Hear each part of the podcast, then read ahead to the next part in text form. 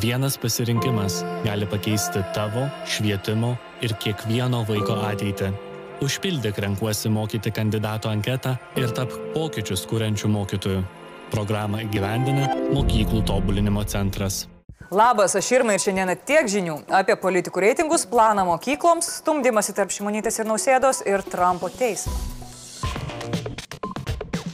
Pakalbėkime apie vedėjų reitingus. Ne, ne, ne, ne tiek žinių vedėjų, o Lietuvos. Šiandien portalas Delfi paskelbė jų sakymo antroje sausio pusėje darytos apklausos rezultatus. Jie rodo didėjantį atotrukį tarp politinių partijų palaikymo bei atskleidžia vyriausybės atstovų veiklos vertinimo tendencijas. Pradėkime nuo partijų vertinimų. Sprinter tyrimų darytoje apklausoje tvirtai ir užtikrintai pirmą vietą laiko konservatoriai. O štai po rinkimų į opoziciją perėjo valstiečiai, barstantys savo palaikymą nusileido į antrąją vietą. Kol kas nuosmukis paklaidos ribose. Už jų reikiuojasi liberalų sąjūdis ir kiti liberalai - Laisvės partija. Tokį apklausos lyderių įsidėstymą politologai komentuoja skirtingai. Vilniaus universiteto tarptautinių santykių ir politikos mokslų instituto dėstytojas Mažvidas Jastramskis naujausiuose reitinguose išvelgia medaus mėnesio efektą. Dabartiniai valdantieji geriau vertinami dėl to, kad dalis žmonių yra nepatenkinti tuo, ką darė buvusi valdžia. Vytauto didžiojo universiteto profesorius politologas Šarūnas Liekis svarsto, jog pirmą vietą reitingė konservatoriams padėjo pelnyti valstiečių neveiklumas. Ir iš ties, Karbas Seimą paliko ir viskas, subliužko valstiečių burbulas. Agne, Sauliau, Tai ką jūs? Apklausoje buvo prašoma įvertinti naujos vyriausybės darbą. Labiau teigiamai nei neigiamai vyriausybė vertino 42,4 procentų žmonių. Ir beveik tiek pat žmonių vertina neigiamai.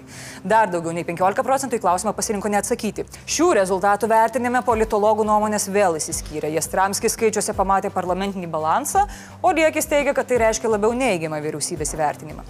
Apklausėjai taip pat įsakė savo nuomonę apie premjero poziciją. Pasak jų, labiausiai šios darbo vietos verta Ingrida Šimonytė. Skvernelio reitingas atsilieka nuo jos taip, kaip kitų Eurovizijos atrankos dalyvių nuo The Roop. Įdomus faktas yra tas, kad apklaustieji premjero kėdę mieliau atiduotų Paksui nei Karbauskiui. Na, kai šalies valdymą mieliau atiduoda politinio atšalimo rekordus pasiekusiam politikui nei tau, tai labai daug apie tave pasako. Vyriausybė kartu su ekspertais jau pradėjo diskutuoti ir dėl mokinių grįžimo prie kontaktinio mokymosi. Nepriklausomų ekspertų patariamosios tarybos narys, Kembridžo universiteto ligoninės gydytojas Tumas Beinortas ekspertams ir vyriausybei pristatė galimą planą, kaip užtikrinti saugų kontaktinį mokymasi. Eksperto teigimu, kontaktinio ugdymo saugus atnaujinimas galėtų būti vykdomas įgyvendintus mažiausiai penkis esminius žingsnius. Pirmasis žingsnis - dabar darželius esančių koronaviruso žydinių užgesinimas. Antrasis - pradinių klasių moksleivių gražinimas kelių keliose mokyklose su epidemiologinė kontrolė. Trečiasis - su epidemiologinė kontrolė į kontaktinį ūkdymą gražinamos ir kitos pradinės mokyklos ir abiturientai.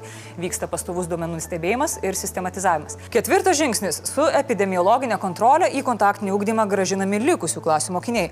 Nuo penktasis - tolesnis situacijos stebėjimas ir testavimas tų, kuriems pasireiškia simptomai, o ne visų. Taip pat prieš pirmą kartą grįždami į ugdymo įstaigą visi asmenys turi turėti neigiamą koronaviruso testą. Ir tai logiška. Jeigu visų klasėje testas neigiamas, galima pradėti mokytis. Aišku, visų šių etapų metu gydytojai siūlo taikyti ir kitas priemonės. Tai yra dėvėti kaukės, dezinfekuoti rankas, vedinti patalpas bei organizuoti pertraukas skirtingų laikų. Pirmas kelias savaitės po kontaktinio mokymosi atnaujinimo ekspertų nuomonė turėtų būti vykdomas prevencinis atsitiktinis besimptomių asmenių testavimas. Kaip?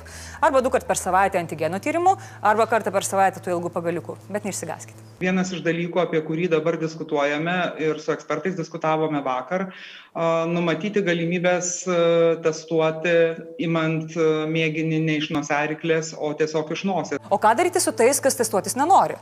Man atrodo labai keista žmonių nenoras apriboti riziką kitiem žmonėm, bet na, čia yra laisva šalis ir prievarta medicinės procedūros yra taikomos tik labai aiškiai įstatymų nustatytais atvejais. Niekas jūsų neprivers, bet į jūsų pamokas norės eiti tikrai mažiau. Mes jūsų irgi nepriversim pažiūrėti šviežią tiek žinių kalba ekspertas. Laida su Ingrida Šimonytė štai čia bet tiesiog sakom, kad labai verta. Įsijunkit. Tikimasi, kad pradinukai į ugdymo įstaigas galėtų grįžti, kai savivaldybėje 100 tūkstančių gyventojų per 14 dienų tektų nuo 150 iki 200 atvejų, o abiturientai, kai sergamumas kristų iki 100-150 atvejų. Visi kiti moksleiviai grįžtų, kai sergamumo rodiklis bus nuo 25 iki 100 atvejų 100 tūkstančių gyventojų. Moksleiviai ir mokytojai, kurie mūžyti, parašykit komentaruose, ar laukat grįžimo į mokyklas. Konservatoriai ėmė ir iškėlė klausimą, kas Lietuvą turėtų atstovauti Europos vadovų taryboje. Iš pirmo žvilgsnio atsakymas atrodo aišku. Žinoma, kad aukštasis mūsų valstybės vadovas jo ekscelencija Gitanas Nausėda. Bet tik iš pirmo žvilgsnio viskas aišku. Seimo narys Matas Maldeikis sako, kad išskirtinai vien prezidento važiavimas į tarybą peržengia konstitucijoje numatytas valstybės vadovo kompetencijas. Paprastai žodžiais tariant, yra klausimų, kur už bazarą prezidentas atsakyti negali. Dar prisižadės dalykų Europos vadovams, o paskui srėps vyriausybė. Bet kaip vis dėlto turėtų būti? Paskaičiuokime. Minėtasis konservatorius iškėlė šį klausimą, sako, kad tai yra bajoriškų laikų liekana ir sprendimus turėtų priimti tas vadovas, kuris už juos atsakingas. Taigi, taškas premjeriai. Maldeikiu antrina ir Petras Auštrevičius, teikdamas, kad reikia stiprinti vyriausybės galės. Susdėmas Vitenis Andriukaitis rėžia dar drąsiau. Jisai sako, kad vien prezidento delegavimas pažeidžia konstituciją. Su juo nesutinka Mykolo Riomerio universiteto profesorius Vytautas Sinkevičius. Sinkevičiaus nuomonė yra atvirkščiai. Konstitucija leidžia leidžia prezidentui dalyvauti vadovų taryboje, nepaisant klausimo tipo. Nepriklausomybės akto signataras Albinas Januška linkęs atsakomybės dalinti ir aptariant vyriausybės lygo klausimus, nausėda pasiūlytų važiuoti šimonytai. Plium, po vieną tašką kiekvienam. Eugenijus Gentvilas susilaiko, sakydamas, kad čia nematoma aldėjikio lygio klausimas, dėl to turėtų sutarti patys vadovai, taigi nulis taškų iš senojo liberalo. Valstiečių frakcijos vadovė Aušrinė Norkienė sako, kad žaidimo taisyklės turėtų būti vienodos. Jeigu konservatoriai neputojo, kai važiavo Grybauskaitė, tai tegu patyli ir dabar. Sosdemas Algirdas Sysas tuo tarpu sakė, kad prie Grybauskaitės susiformavusi tradicija turėtų keistis ir abu vadovai turi dalintis atsakomybėmis. Diskusijoms apie du Lietuvai vienu metu atstovaujančius vadovus griežtą tašką deda VU TSPMI profesorius Tomas Janeliūnas. Pagrindinė sąlyga pagal Lisabono sutartį - atstovas turi būti vienas. Ir nors didžioji dalis ES šalių deleguoja premjerus, taip jau nusistovėjo, kad Lietuvai užsienio reikalose atstovauja prezidentas. Na, buvęs JAV ambasadorius Žygimantas Paviljonis prideda, kad du žmonės gali dalintis atsakomybės ir vykti pakaitomis, kaip tai darė Adamkus su Brazausku. Ką mano pas prezidentas? Jo patarėjai užsienio politikai Astas Kaisgirytė sako, kad dabartinė tvarka yra gera. Taigi įsirašo tašką savo. Nu, premjerė dar gruodį pridėjo tašką Gitanui, kai pasakė tą patį, kad atstovavimo tvarkos keisti nereikia. Bet šiandien laidoje kalba ekspertas, jinai pridėjo, kad kai sprendžiami klausimai susijęs su vyriausybė, jos dalyvavimas būtų naudingas. Tai štai turime lygų 7 ir 7 rezultatą. O kaip manot jūs, ar turėtų vykti kažkuris vienas? Jei taip, tai kuris? O gal abu du, bet vienas kitą pakeisdami? Ir šitą parašykit komentaruose. Junktinių valstybių senate prasidėjo antrasis buvusio prezidento Donaldo Trumpo apkaltos teismas. Donaldas kaltinamas savo kalbomis sukurstęs sukilimą ir sausio šeštosios kapitolijaus puolimą. Like hell, Kaltinamojo advokatai tvirtina, kad riaušininkai elgesi visiškai savarankiškai. Jums turbūt kyla klausimas, betgi Irma, kam ta apkalta, jeigu jis jau nebėra prezidentas? Geras klausimas, ačiū. Esmė ta, kad JAV istorijoje niekada nebuvo tokio atveju, kai apkalta rengiama prezidentui jau palikus postą. Respublikonų įstatymų leidėjai ir Trumpo teisininkai sako, kad teisti buvusi prezidentą jam išėjus iš pareigų yra nekonstituciška, juk dabar jis paprastas pilietis.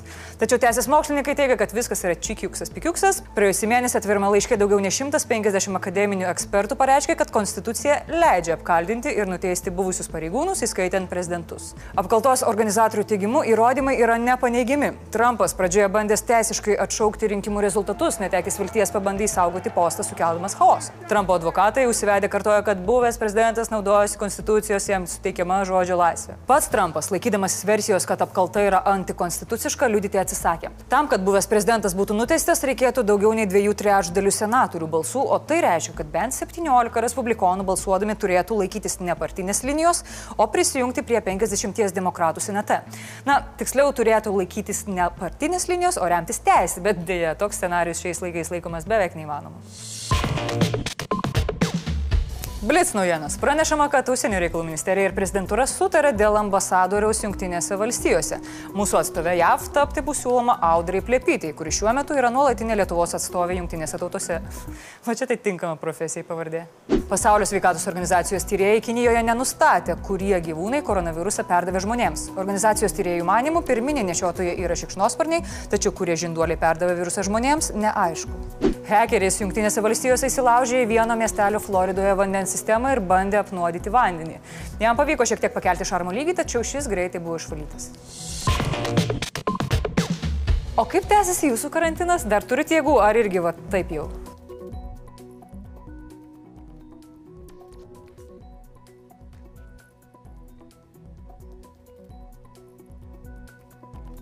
Ačiū, kad žiūrėjot, prenumeruokit Laisvės TV kanalą, rytoj Dominikas, o aš sakau tiek žinių.